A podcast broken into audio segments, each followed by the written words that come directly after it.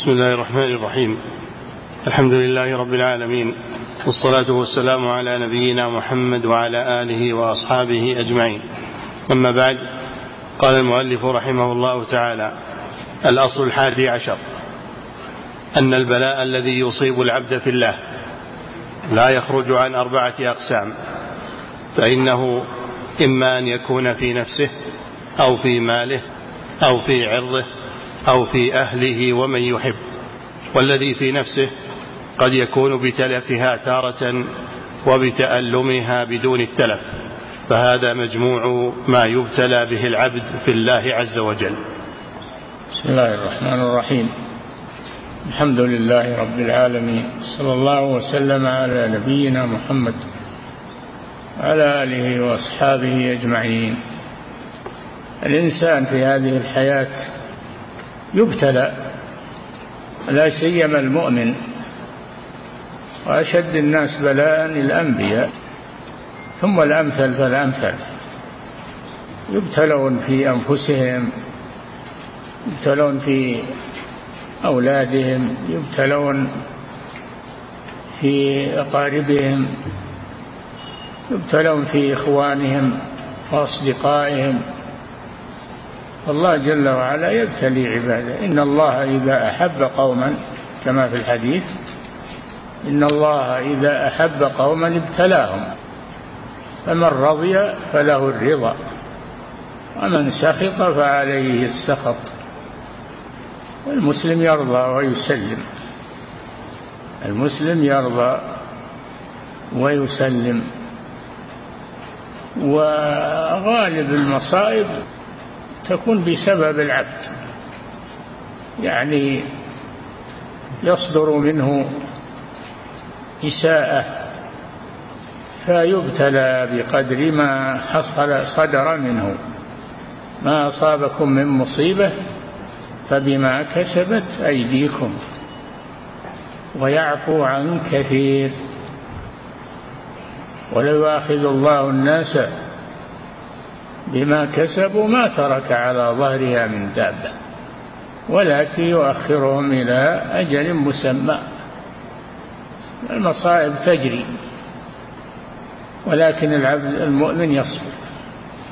الذين إذا أصابتهم وبشر الصابرين الذين إذا أصابتهم مصيبة قالوا إنا لله وإنا إليه راجعون. أولئك عليهم صلوات من ربهم.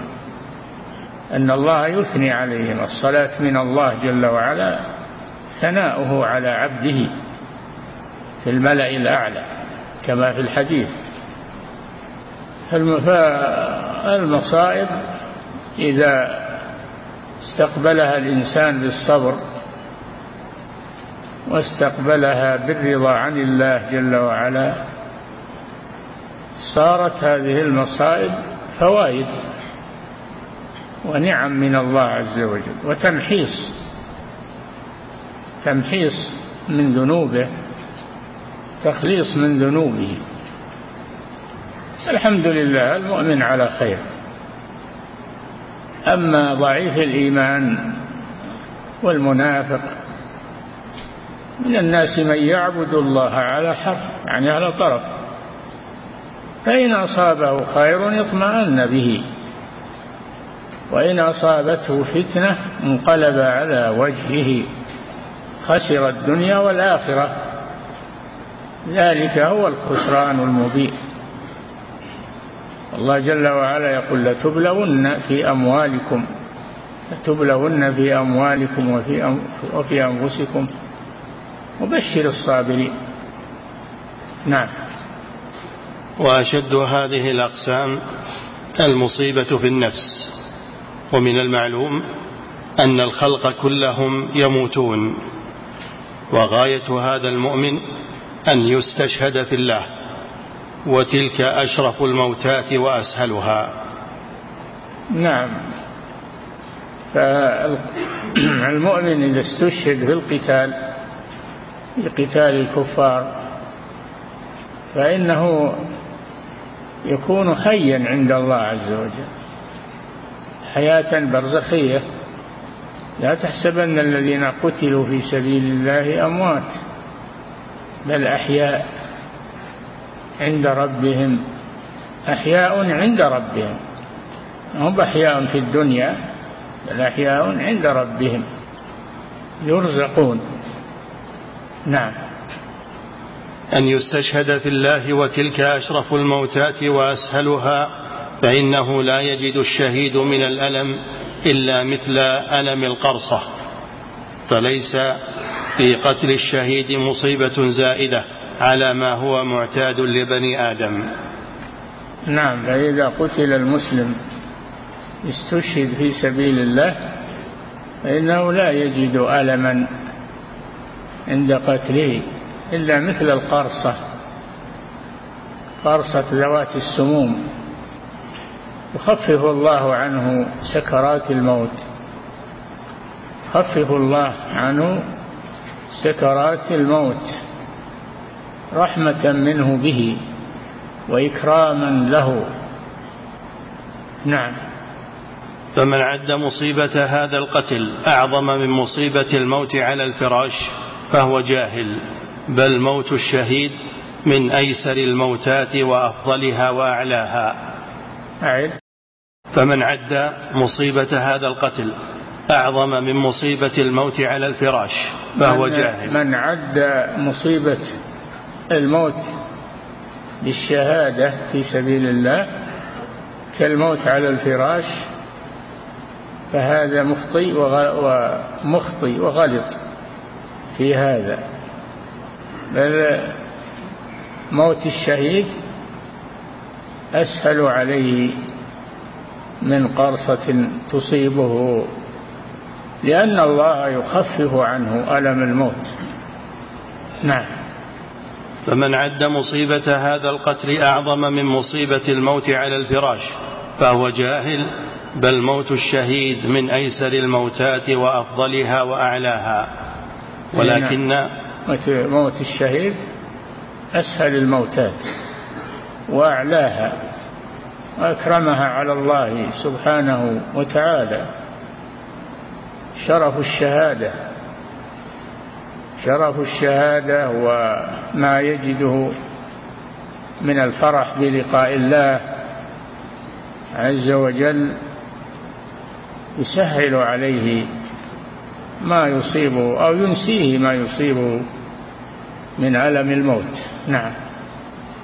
ولكن الفار يظن أنه بفراره يطول عمره فيتمتع بالعيش وهذا وقد أكذب الله سبحانه هذا الظن حيث يقول قل لن ينفعكم الفرار إن فررتم من الموت أو القتل وإذا لا تمتعون إلا قليلا. نعم فالفرار يوم الزحف هذا من كبائر الذنوب. هذا من كبائر الذنوب. فلا يجوز الفرار إذا التقى الجمعان. لا يجوز لمسلم أن يفر بل يصبر. فإن نصره الله فهذا خير وإن استشهد فهذا أكثر أجرا وأكثر خيرا. التولي يوم الزحف من أكبر الكبائر. تولي يوم الزحف يوم لقاء المسلمين والكفار أكبر الكبائر. بعد الشرك المسلم يصبر ويثبت في لقاء العدو. إن انتصر فهذا خير وإن استشهد فهذا خير وأعظم أجرا. نعم. ولكن الفار يظن أنه بفراره يطول عمره فيتمتع بالعيش. وقد أكذب الله سبحانه هذا الظن حيث يقول قل لن ينفعكم الفرار إن فررتم من الموت أو القتل وإذا لا تمتعون إلا قليلا. فأخبر الله أن الفرار من الموت بالشهادة لا ينفع فلا فائدة فيه وأنه لو نفع لم ينفع إلا قليلا. إذ لا بد له من الموت فيفوته بهذا القليل ما هو خير منه وأنفع من حياة الشهيد عند ربه سبحانه. نعم فالفرار لا ينجيه من الموت. الفرار لا ينجيه من الموت. وإذا لا تمتعون إلا قليلا. قل لا ينفعكم الفرار إن فررتم من الموت أو القتل. وإذا لا تمتعون إذا فررتم إلا قليلا. فمآلكم إلى الموت؟ والموت قريب. المسلم يوطن نفسه ويصبر يحتسب الأجر عند الله. والمؤمن يبشر عند الموت يبشر بالأجر والثواب فيهون عليه الموت. نعم. ثم قال سبحانه قل من ذا الذي يعصمكم من الله إن أراد بكم سوءا أو أراد بكم رحمة ولا يجدون لهم من دون الله وليا ولا نصيرا. فأخبر سبحانه أن العبد لا يعصمه أحد من الله إن أراد به سوءا غير الموت الذي فر منه. فإنه فر من الموت لما كان يسوءه. فأخبر الله سبحانه أنه لو أراد به سوءا غيره لم يعصمه أحد من الله وأنه قد يفر مما يسوءه من القتل في سبيل الله فيقع فيما يسوءه مما هو أعظم منه. إي نعم. قد يفرح إذا فر من المعركة يظن أنه نجا. وهو في الحقيقة ما نجا. لو كان في المعركة كان خيرا له. إن انتصر فهو خير وإن استشهد فهو أعظم أجرا عند الله سبحانه وتعالى. وفراره لن ينجيه من الموت. الموت يلاحقه. قل إن الموت الذي تفرون منه فإنه ملاقيكم. شوف بالعادة إن الذي يفر من شيء يكون هذا الشيء وراءه. ولكن هذا الذي يفر من الجهاد في سبيل الله ومن لقاء العدو يلاقيه الموت. فهو راجع ذاهب إلى الموت. ذاهب ليلاقي الموت. هذا من العجائب. وإن الموت الذي تفرون منه فإنه ملاقيكم. ثم تردون إلى عالم الغيب والشهادة. فينبئكم بما كنتم تعملون. نعم. وإذا كان هذا في مصيبة النفس فهكذا الأمر في مصيبة المال والعرض والبدن فإن من بخل بماله أن ينفقه في سبيل الله تعالى وإعلاء كلمته سلبه الله إياه أو قيض له إنفاقه فيما لا ينفعه دنيا ولا أخرى بل فيما يعود عليه بمضرته عاجلا وآجلا. نعم من بخل بالمال أن ينفقه في سبيل الله صار هذا المال نقمة عليه. صار هذا المال نقمة عليه يتحسر عليه ولا يريد أن يذهب منه شيء ويتألم ويحرس يحرس المال في الحقيقة يحرس المال فهذا المال لن يدوم له أو هو لن يدوم للمال. إما أن يؤخذ منه المال وإما أن يؤخذ هو من المال. المسلم يتصور هذا فيهون عليه ما يلقى من منازعة النفس وكراهتها للإنفاق في سبيل الله والصدقات. أنت تقدم لنفسك. المال هذا تقدمه لنفسك. ولو لم تقدمه لنفسك أخذ منك ولا تنتفع من ورائه. نعم. فإن من بخل بماله أن ينفقه في سبيل الله تعالى وإعلاء كلمته سلبه الله إياه أو قيض له إنفاقه فيما لا ينفعه دنيا ولا أخرى بل فيما يعود عليه بمضرته عاجلا وآجلا وإن حبسه وادخره منعه التمتع به ونقله إلى غيره فيكون له مهنأه وعلى مخلفه وزره. أيحسبون أن ما نمدهم به من مال وبنين؟ نسارع لهم في الخيرات بل لا يشعرون لا يشعرون بالعواقب و لو أنه قدم هذا المال أمامه لوجده عند الله. فإذا أخره ذهب إلى غيره ولم ينتفع به. نعم. وكذلك من رفه بدنه وعرضه وآثر راحته على التعب لله وفي سبيله أتعبه الله سبحانه أضعاف ذلك في غير سبيله ومرضاته. وهذا أمر يعرفه الناس بالتجارب. أي نعم من أحب الرفاهية والتنعم في هذه الدنيا فإنه يندم عما قليل. المسلم إنما ينظر إلى ما أمامه ولا ينظر إلى ما خلفه ينظر إلى ما أمامه. يصلح الطريق أمامه لئلا يسلك طريقا يهلكه. ومن إصلاح الطريق الإحسان في العمل والإحسان في المال والإنفاق. الله آتاك هذا المال وأمرك أن تنفق منه ليكتبه لك ليكتبه لك ويبقيه. لك. أنفقوا مما رزقناكم. مما رزقناكم. رزقك الله هذا المال وأمرك أن تنفق منه في سبيل الله. نعم.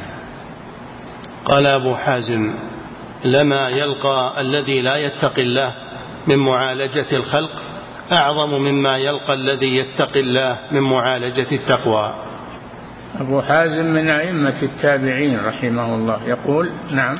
لما يلقى الذي لا يتقي الله من معالجة الخلق أعظم مما يلقى الذي يتقي الله من معالجة التقوى.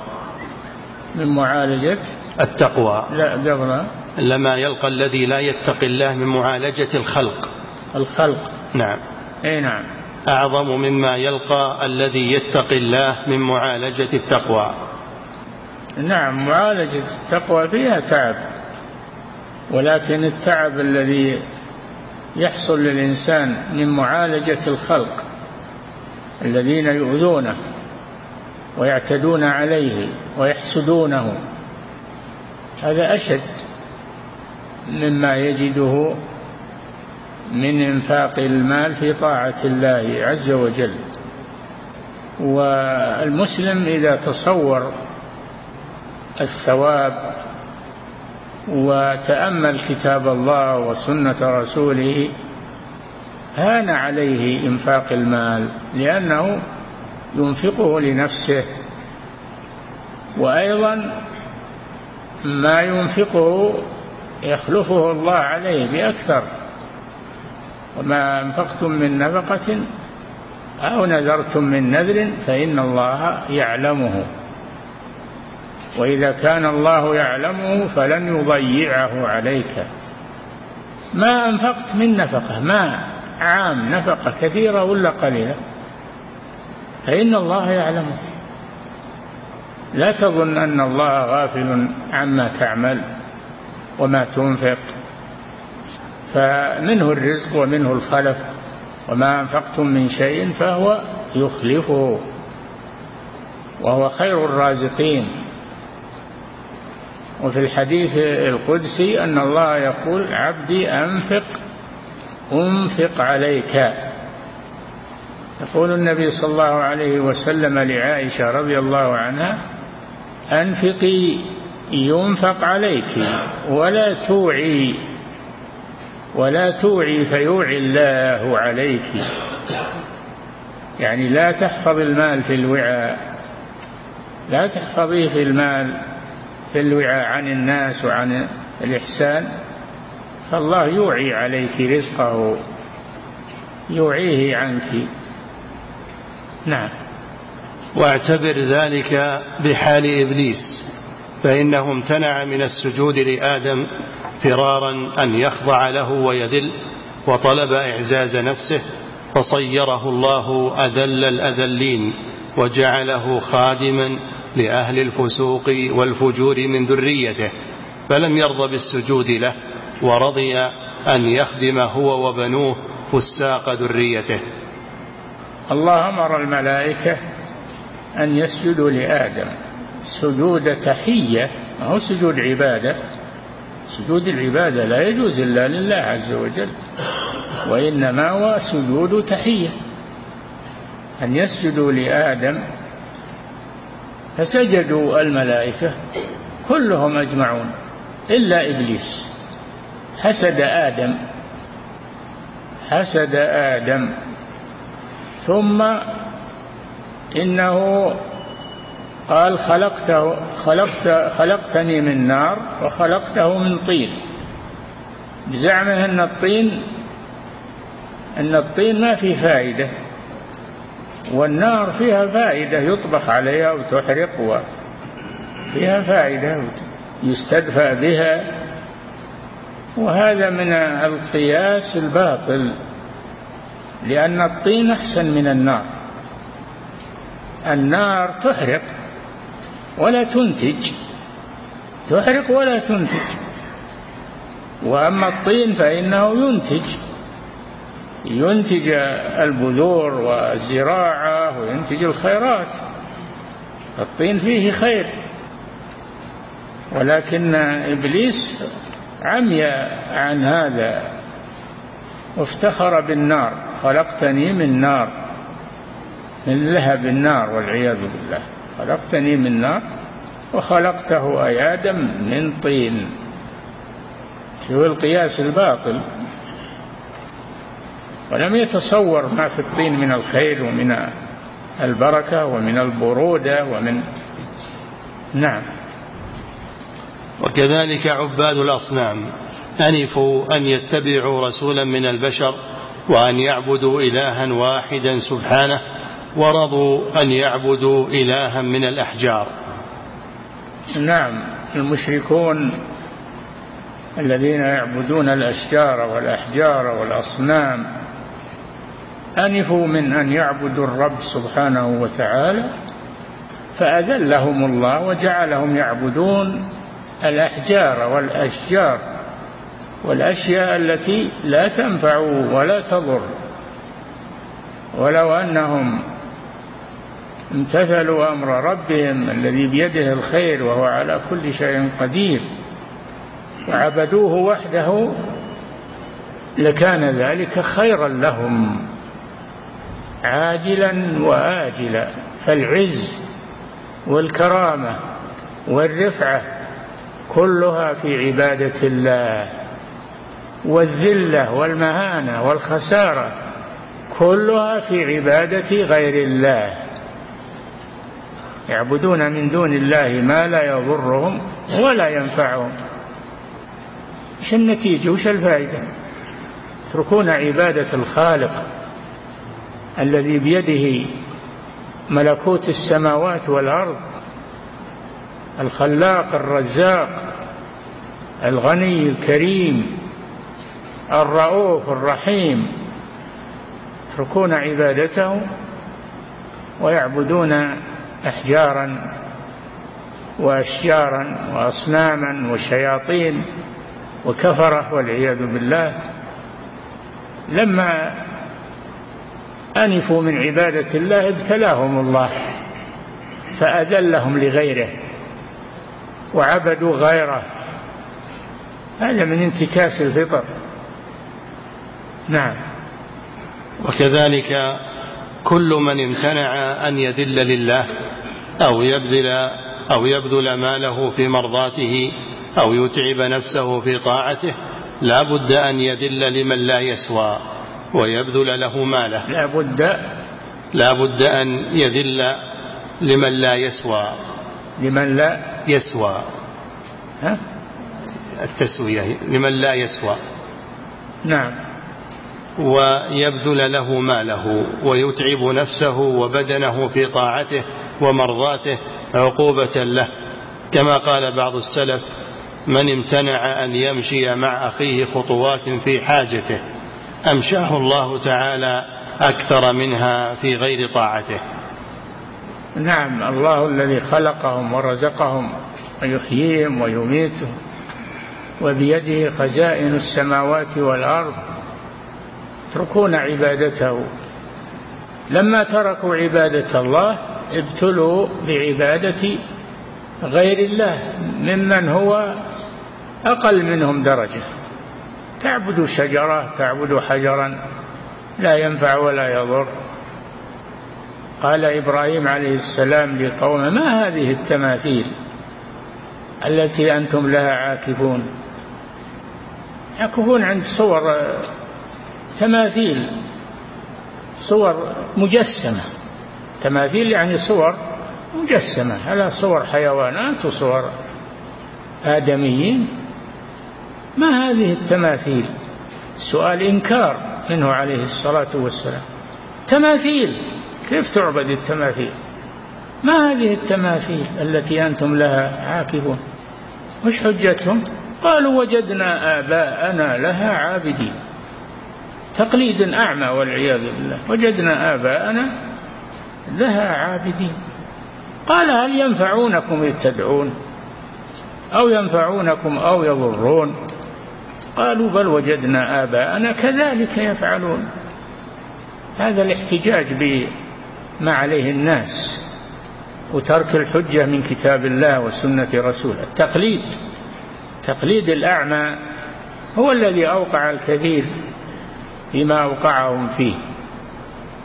الإنسان ما يقلد إلا أهل الخير وأهل العلم وأهل الصلاح. ما يقلد من هب ودب. حجة أنه أكبر منه وأنه أقدم منه وأسن منه أو يقلد من سبقوه. كل هذا لا حجة واهية لا لا تنفع. ما هذه التماثيل التي أنتم لها عاكفون؟ قالوا وجدنا آباءنا لها عابدين ما عندهم حجة إلا التقليد. تقليد الأعمى. وجدنا آباءنا لها عابدين. ما ينفع التقليد الأعمى. ما يكون الناس إمعة إن أحسن الناس أحسن معهم وإن أساءوا أساء معهم. بل إن أحسنوا أحسن معهم وإن أساءوا تجنب إساءتهم. نعم. وكذلك كل من امتنع أن يذل لله أو يبذل ماله في مرضاته أو يتعب نفسه في طاعته لا بد أن يذل لمن لا يسوى ويبذل له ماله ويتعب نفسه وبدنه في طاعته ومرضاته عقوبة له. كما قال بعض السلف من امتنع أن يمشي مع أخيه خطوات في حاجته أمشاه الله تعالى أكثر منها في غير طاعته.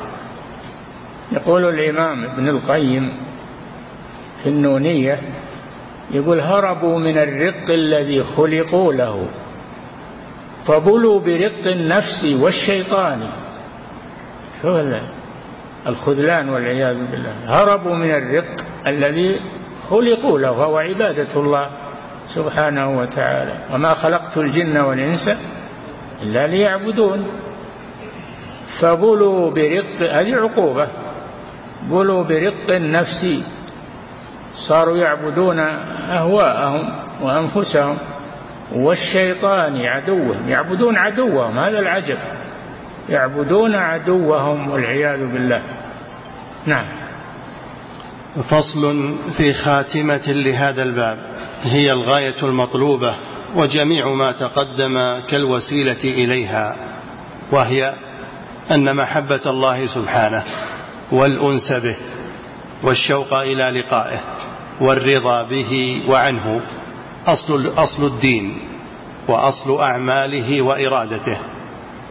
نعم تعلق القلب بالله عز وجل خوفا وطمعا ورغبة ورهبة.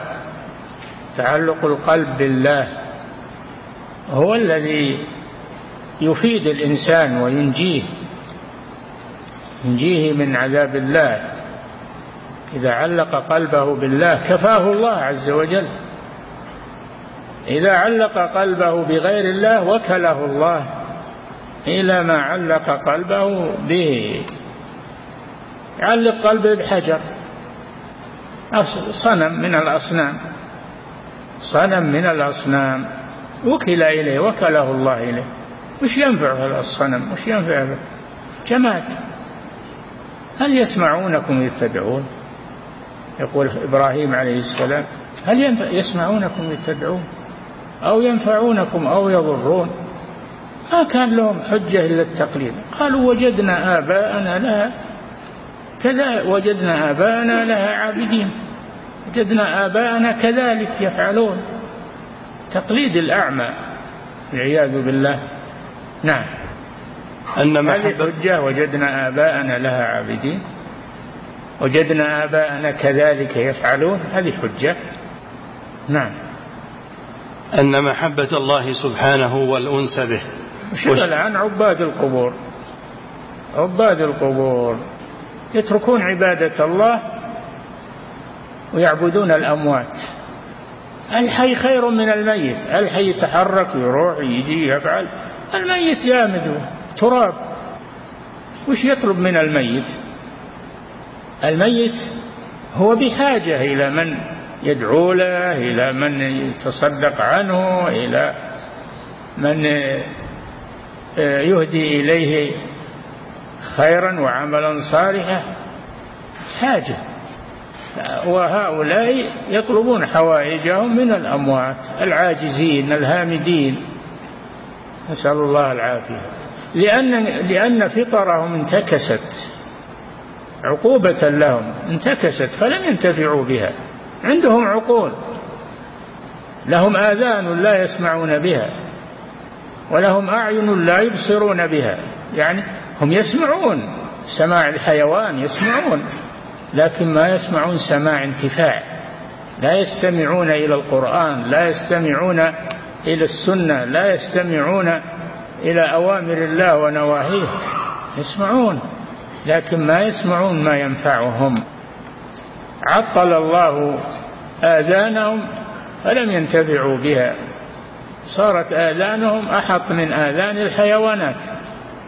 الحيوانات خير منهم لأن الحيوانات تفر من ما يضرها.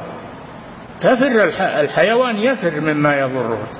لو تجيبه عند ماء عند نهر يمشي عند نار آه، موقدة ما يطيع ما يطيع كبد. ما يقدم لو تقطعه ما ما يقدم على الخطر. وهؤلاء يوقعون أنفسهم في الخطر والعياذ بالله بالشرك بالكفر بالفسق. نعم. أن محبة الله سبحانه والأنس به والشوق إلى لقائه والرضا به وعنه. أصل الدين وأصل أعماله وإراداته كما أن معرفته والعلم بأسمائه وصفاته وأفعاله أجل علوم الدين كلها. نعم ولله الأسماء الحسنى فادعوه بها. وذروا الذين يلحدون بأسمائه سيجزون ما كانوا يعملون. الأسماء الحسنى كل أسماء الله حسنى منها ما علمناه تسعة والتسعين ومنها ما لا نعلمه. استأثر الله بعلمها. وأسماء الله لا تحصى. كلها أسماء كمال. كلها أسماء كمال. وأسماء لها معان جليلة. ما علمنا منها وما لم نعلم. ندعوه بها نتوسل إليه بها. فنقول يا رحمن ارحمنا يا كريم أكرمنا أعطنا يا رزاق أرزقنا. وهكذا. ادعوه بها ادعوه بها بأسمائه بأسمائه سبحانه وتعالى.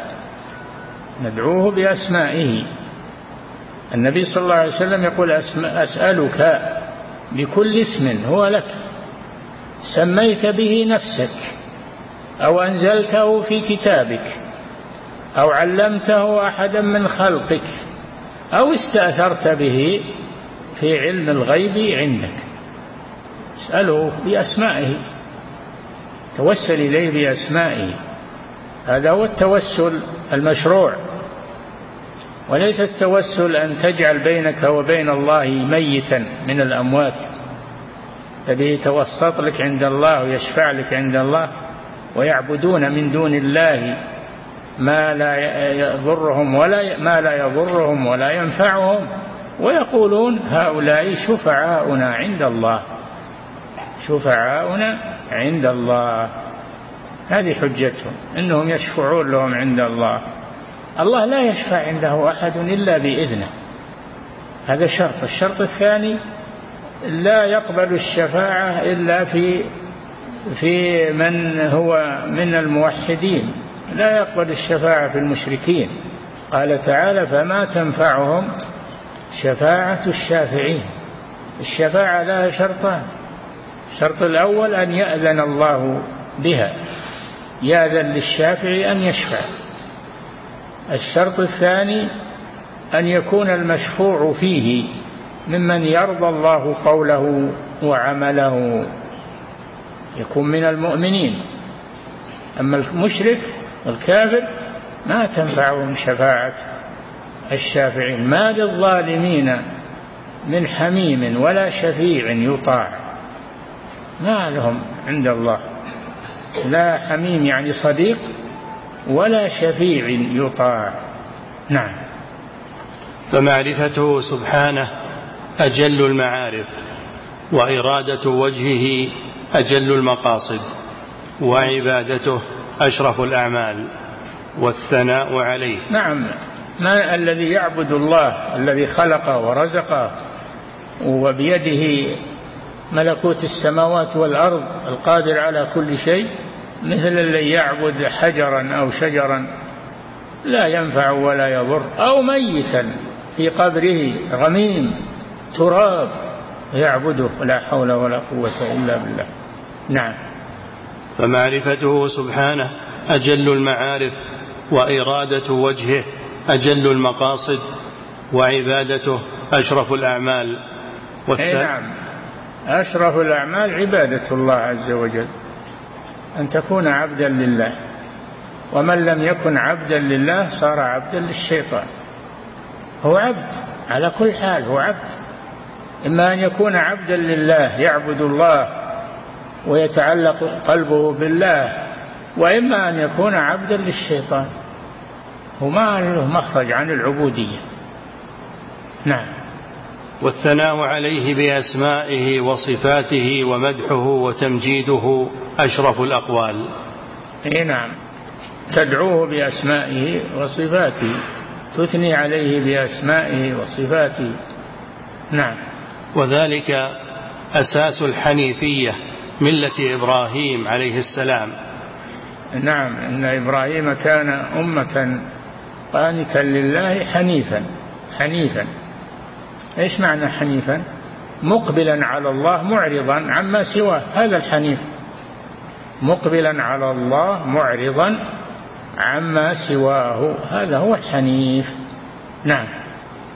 وذلك أساس الحنيفية ملة إبراهيم عليه السلام وقد قال الله تعالى لرسوله ثم أوحينا إليك أن اتبع ملة إبراهيم حنيفا وما كان من المشركين.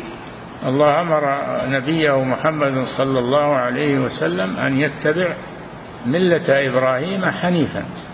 وما كان من المشركين حنيفا مقبلا على الله معرضا عما سواه متبرئا من المشركين لا يصادقهم ولا يحبهم ولا يمدحهم. نعم. وكان النبي صلى الله عليه وسلم يوصي أصحابه إذا أصبحوا أن يقولوا أصبحنا على فطرة الإسلام وكلمة الإخلاص ودين نبينا محمد وملة أبينا إبراهيم حنيفا مسلما وما كان من المشركين. إي نعم يقولها المسلم في كل صباح يقول أصبحنا على فطرة الإسلام وكلمة الإخلاص وشهادة أن لا إله إلا الله ودين نبينا محمد وملة أبينا إبراهيم حنيفا مسلما وما كان من المشركين. نعم يقولها الإنسان في ورده الصباح والمساء. نعم. وذلك هو حقيقة شهادة أن لا إله إلا الله. لا إله إلا الله نفي وإثبات. نفي الألوهية عما سوى الله وإثباتها لله عز وجل. لا إله إلا الله لا معبود بحق إلا الله سبحانه وتعالى. احذر أن تقول لا معبود إلا الله لأن المعبودات كثيرة. يصير كل العبادات الباطلة كلها لله؟ لا هذا باطل. لا بد من هذا القيد لا معبود بحق إلا الله. لا إله إلا الله لا معبود حق إلا الله. لا تحذف كلمة حق. إذا حذفتها صرت على مذهب أهل وحدة الوجود اللي يقولون كل كل المعبودات هي الله. كل المعبودات هي الله. الأصنام والأحجار والأشجار كلها هي الله عندهم. قبحهم الله. أهل وحدة الوجود. أتباع ابن عربي. الطائي. نعم. وذلك هو حقيقة شهادة أن لا إله إلا الله وعليها قام دين الإسلام الذي هو دين جميع الأنبياء والمرسلين. نعم. دين الإسلام قام على كلمة لا إله إلا الله. أي لا معبود بحق إلا الله. قام عليها دين الإسلام. لا إله. أي لا معبود. خلاص. لا معبود بحق إلا الله. بطلت كل الآلهة هالكلمة العظيمة الوجيزة أبطلت كل المعبودات من دون الله عز وجل وأثبتت العبادة لله وحده لا شريك له. هي كلمة التقوى والعروة الوثقى. من يكفر بالطاغوت ويؤمن بالله هذا معنى لا إله إلا الله. لا إله هذا كفران بالطاغوت إلا الله هذا إيمان بالله عز وجل. من يكفر بالطاغوت ويؤمن بالله. فقد استمسك بالعروة الوثقى. لا انفصام لها. الله سميع عليم. هذه الكلمة العظيمة. الشاملة المختصرة الخفيفة. هذا شأنها. نعم. وذلك هو حقيقة شهادة أن لا إله إلا الله وعليها قام دين الإسلام الذي هو دين جميع الأنبياء والمرسلين وليس لله دين سواه. وليس القصد أنه يقول لا إله إلا الله ثم يعبد ما, ما يريد. لا. يلتزم بمعنى هذه الكلمة. ولا فالقبوريون يقولون لا إله إلا الله ويكثرون الصباح والمساء ولهم أوراد. لكنهم يبطلونها بعبادة القبور.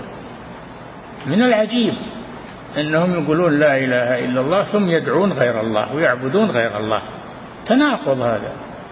المشركون أبوا أن يتناقضوا. لما قال لهم قولوا لا إله إلا الله قالوا أجعل الآلهة إلها واحدة؟ إن هذا لشيء عجاب. عرفوا معنى لا إله إلا الله. وهذا ما عرف معنى لا إله إلا الله.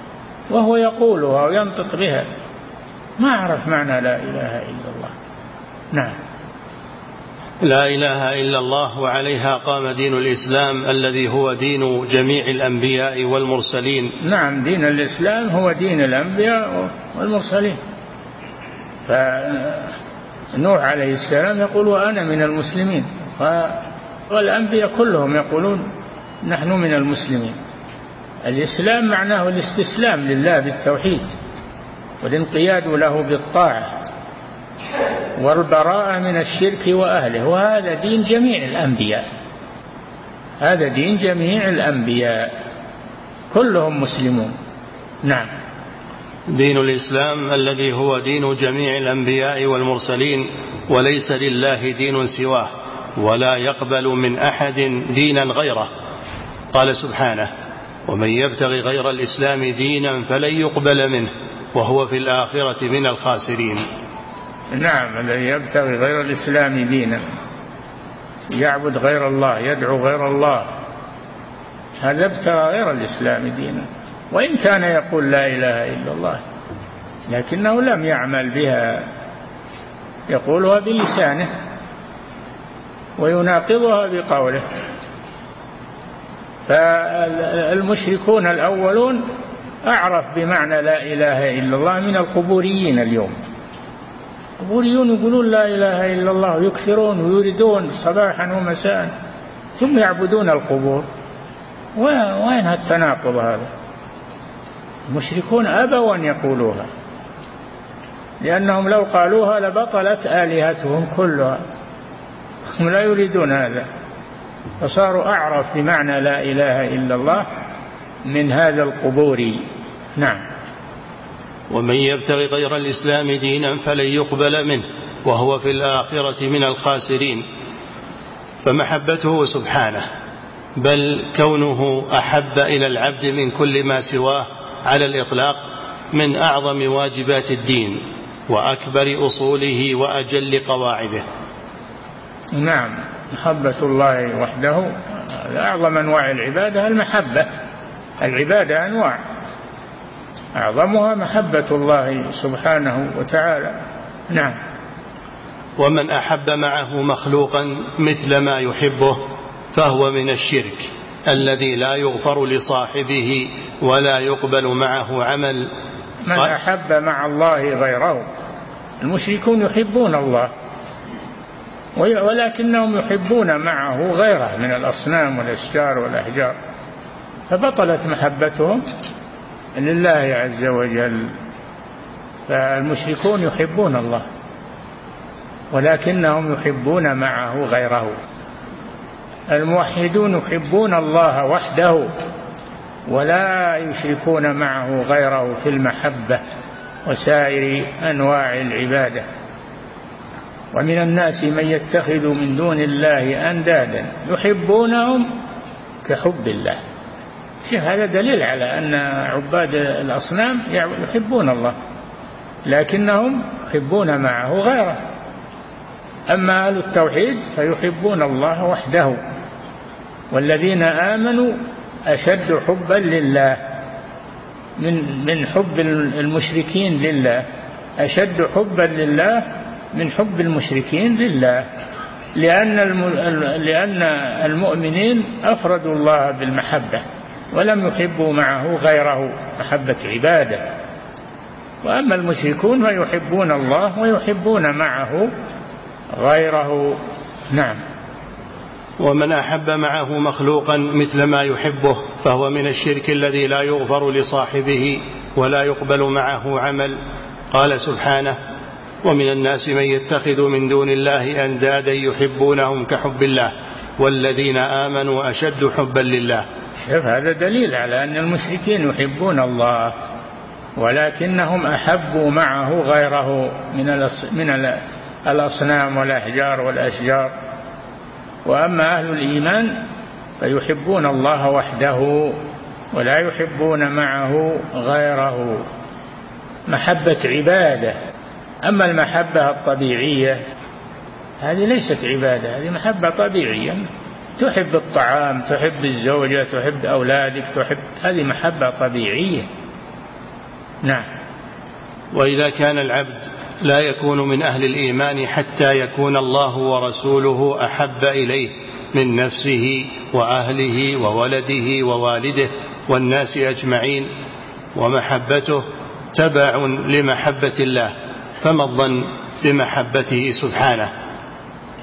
نعم المؤمنون يحبون يحبون أقاربهم يحبون أصدقائهم يحبون إخوانهم المسلمين لكنها ليست محبة عبادة ليست محبة عبادة محبة أخوة محبة أخوة المؤمن آه، كما قال صلى الله عليه وسلم لا يؤمن أحدكم حتى يحب لأخيه ما يحب لنفسه محبة أخوة ليست محبة عبادة.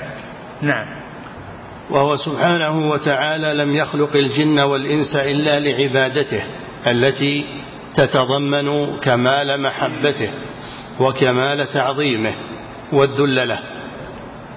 نعم ما في شك.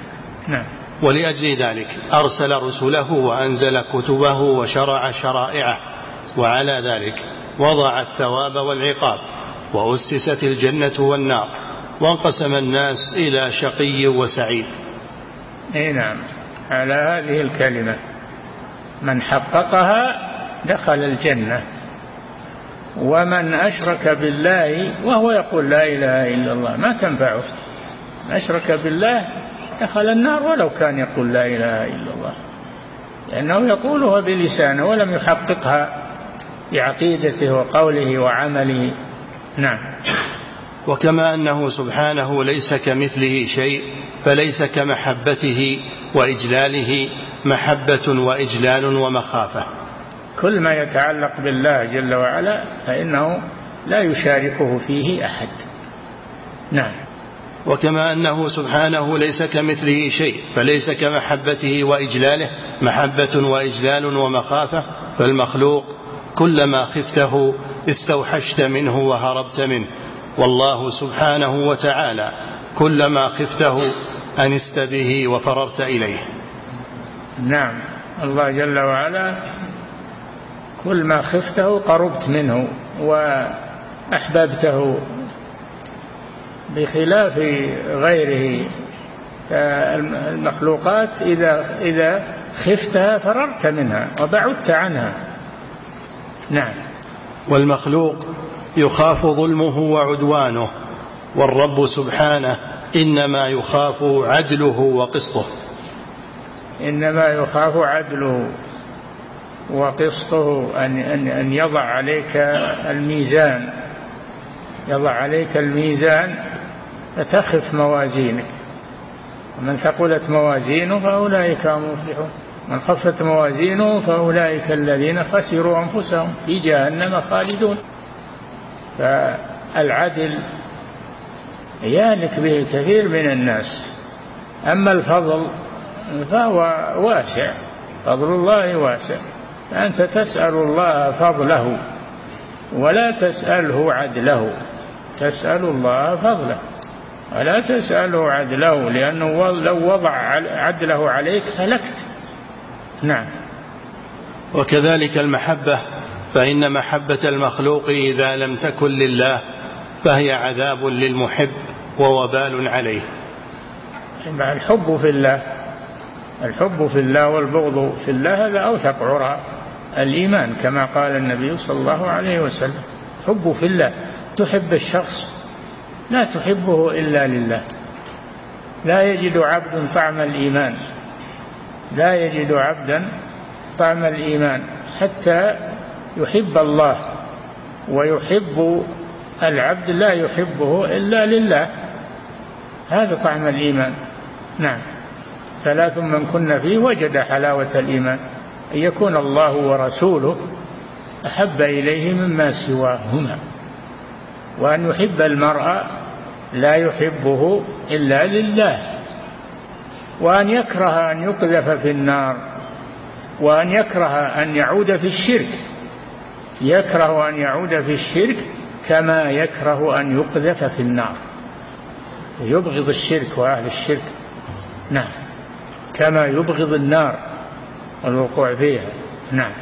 وكذلك المحبة. فإن محبة المخلوق إذا لم تكن لله فهي عذاب للمحب ووبال عليه وما يحصل له بها من التألم أعظم مما يحصل له من اللذة وكلما كانت أبعد عن الله كان ألمها وعذابها أعظم. نعم. هذا إلى ما, إلى ما في محبته من الإعراض عنك والتجني عليك وعدم الوفاء لك. إما لمزاحمة غيرك من المحبين له وإما لكراهته ومعاداته لك وإما لاشتغاله عنك بمصالحه وما هو أحب إليه منك وإما لغير ذلك من الآفات. هذا المخلوق. المخلوق هذا شأنه لا تتعلق بالمخلوق تعلق بالخالق وأخلص المحبة لله ولا تخلصها لغير الله عز وجل محبة العبادة. نعم. وأما محبة الرب سبحانه وتعالى فشأنها غير هذا الشأن فإنه لا شيء أحب إلى القلوب من خالقها وفاطرها فهو إلهها ومعبودها ووليها ومولاها وربها ومدبرها ورازقها ومميتها ومحييها فمحبته سبحانه نعيم النفوس وحياة الأرواح. وسرور النفوس وقوت القلوب ونور العقول وقرة العيون وعمارة الباطن. إي نعم المحبة نوع من أنواع العبادة هي أعظم أنواع العبادة ولكنها لا تكفي كما عند الصوفية. الصوفية يزعمون أنهم يحبون الله فلا يحتاجون إلى الأعمال. نسأل الله لا يحبون الله يقولون يكفي هذا ولا يتركون الأعمال.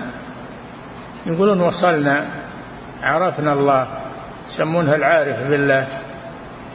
لا المسلم ما يترك عبادة الله ما دام فيه حياة. واعبد ربك حتى يأتيك اليقين يعني الموت. اعبد ربك حتى يأتيك اليقين. الصوفية يقولون اعبد ربك لما تعرفه إذا عرفته خلاص بحاجة إلى العبادة. هذا ضلال وكفر والعياذ بالله. نعم.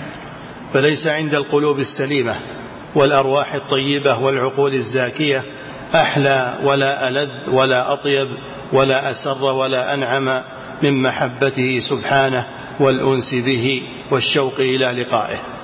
نعم. والحلاوة التي يجدها المؤمن في قلبه بذلك فوق كل حلاوة. والنعيم الذي يحصل له بذلك أتم من كل نعيم. واللذة التي تناله أعلى من كل لذة.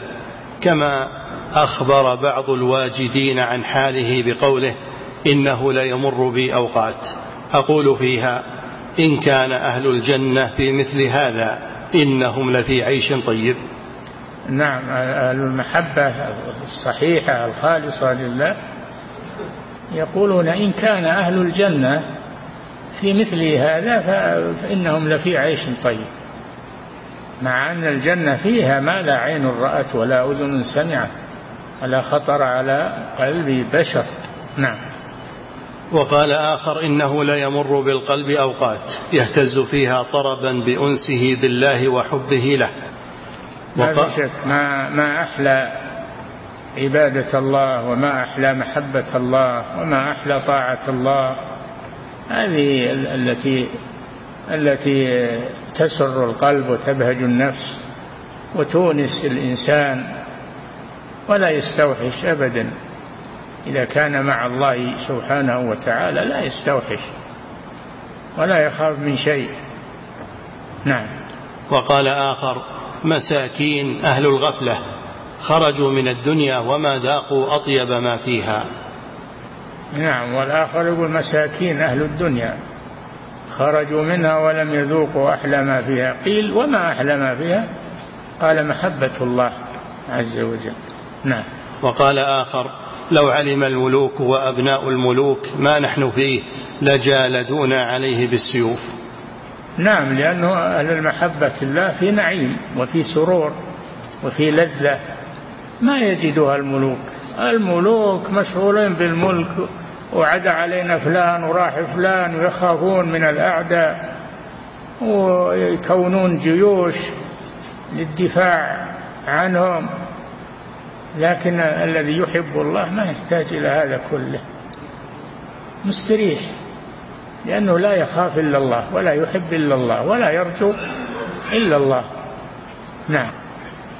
ووجد هذه الأمور وذوقها هو بحسب قوة المحبة وضعفها وبحسب إدراك جمال المحبوب والقرب منه فكلما كانت المحبة أكمل وإدراك المحبوب أتم والقرب منه أوفر كانت الحلاوة واللذة والسرور والنعيم أقوى. نعم.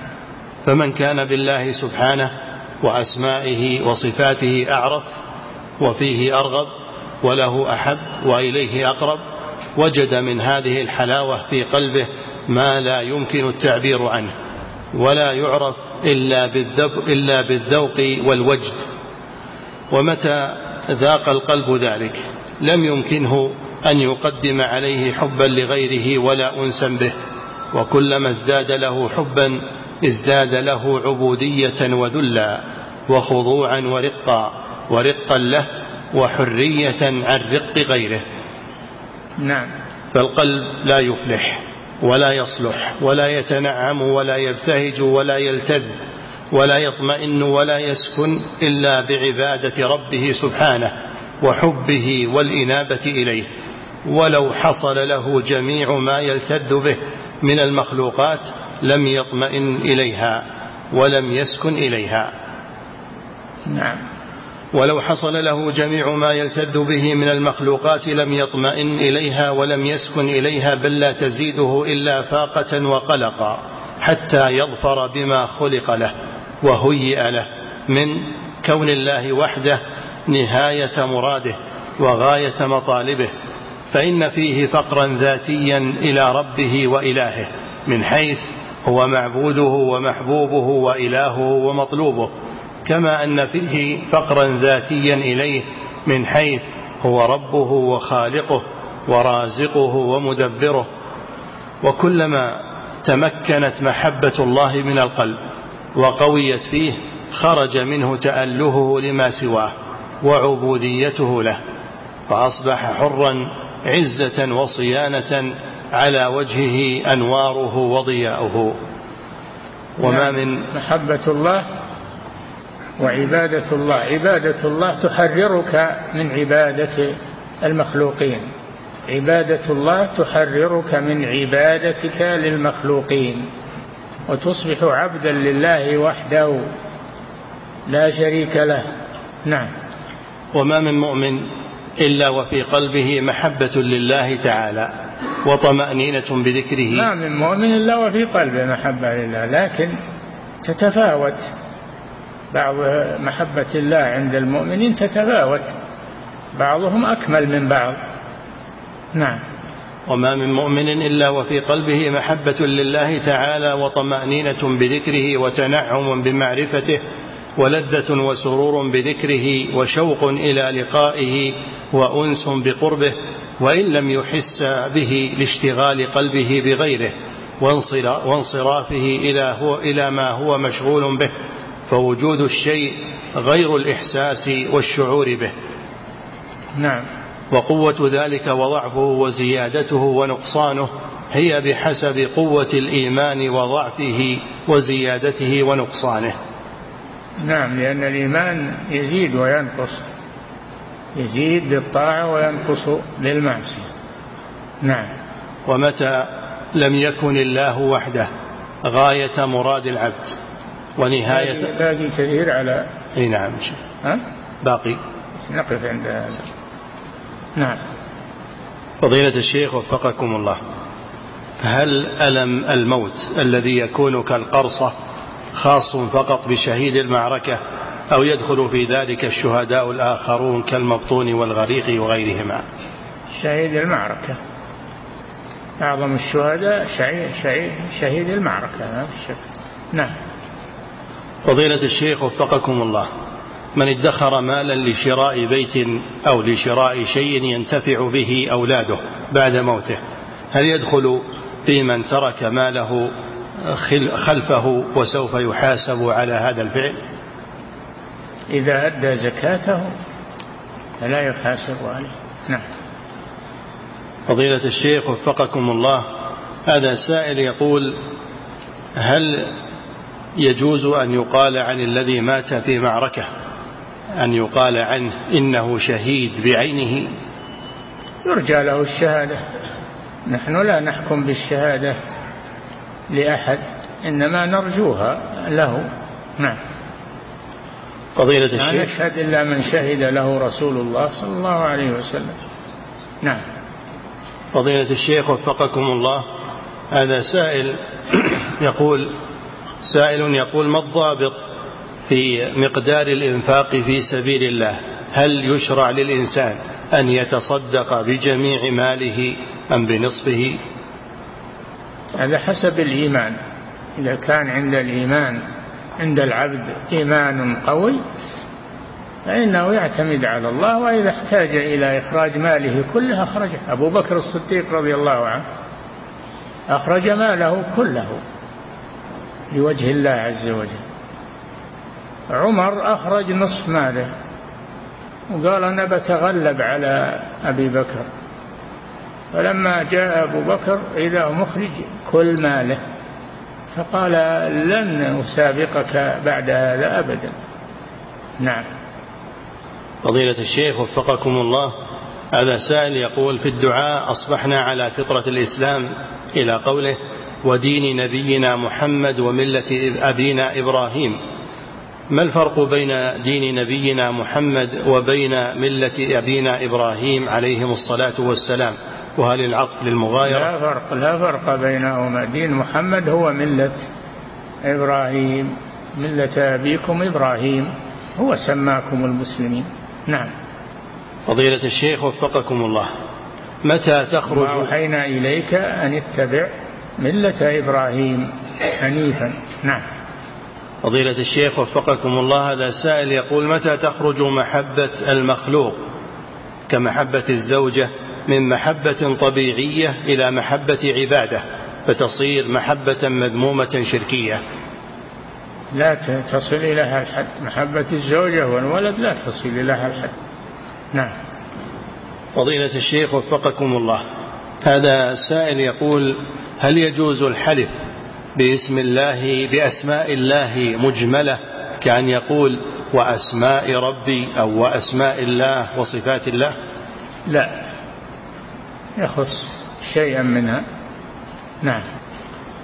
فضيلة الشيخ وفقكم الله قول القائل في ذمتي أن فلانا صادق هل يعد من الحلف بغير الله؟